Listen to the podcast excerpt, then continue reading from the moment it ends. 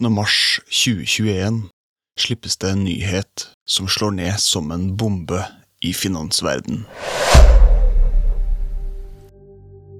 En av Norges mektigste næringslivsledere kommer ut av skapet som bitcoiner.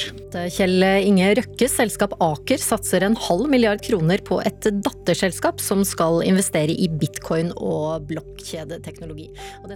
I et 23 sider langt brev til aksjonærene i Aker avdekker Kjell Inge Røkke det nyopprettede datterselskapet CT, som både skal hodle og mine bitcoin. Ja, det var jo eh, mildt sagt overraskende tror jeg, for de fleste når, når den eh, nyheten kom og, ja, på 8. mars, kvinnedagen. Men eh, det kom nokså i bomba på eh, de fleste.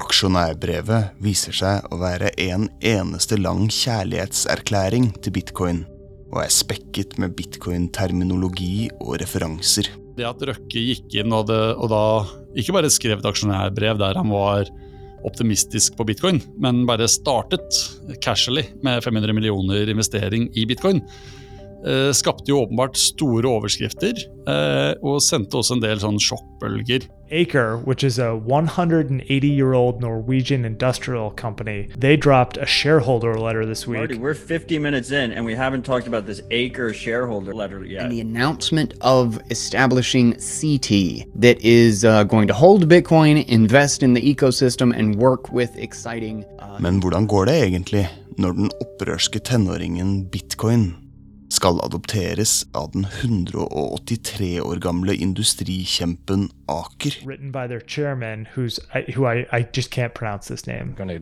really butcher his name. Kajel? Is it Kajel Rakhti? Is that how you pronounce it? Is it just Kel?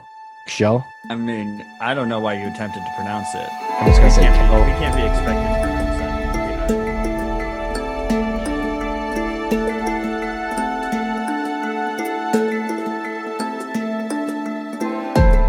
I denne podkastserien skal Bitcoinsnakk reise land og strand i det langstrakte og grisgrendte kongeriket vårt. Vi skal nemlig snakke med noen av dem som kan mye om bitcoin, og som var til stede under noen av de mest bemerkelsesverdige hendelsene knyttet til bitcoin i Norge.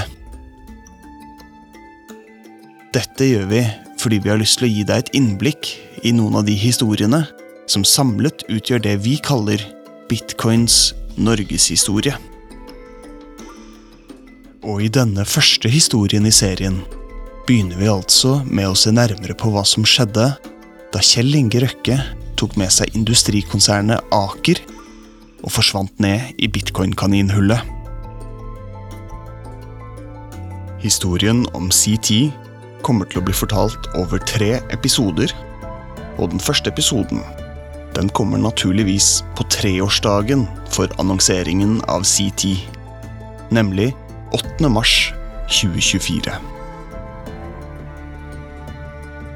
Bitcoinsnacks norgeshistorie den produseres i samarbeid med bitcoinvekslingstjenesten Bare Bitcoin.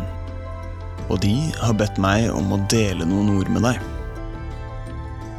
Bitcoin er den viktigste kryptovalutaen som finnes, og den eneste som har en reell sjanse til å bli fremtidens penger.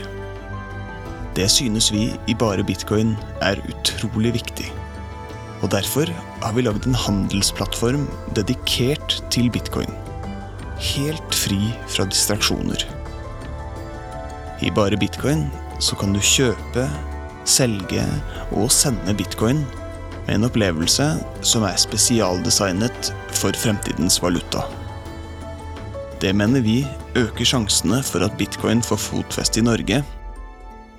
Og i tillegg så kan du forvente å få en av Norges billigste måter å kjøpe bitcoin på.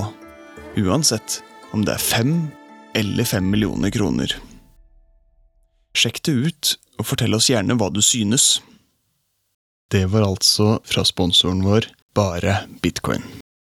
Og helt til slutt, hvis du har lyst til å bidra til at episodene i serien skal bli så bra som overhodet mulig, da kan du donere sats til lightning-adressen bitcoinsnakk at bb.no. altså bitcoinsnakk, alfakrøll, bb.no. Vi snakkes igjen 8. mars 2024.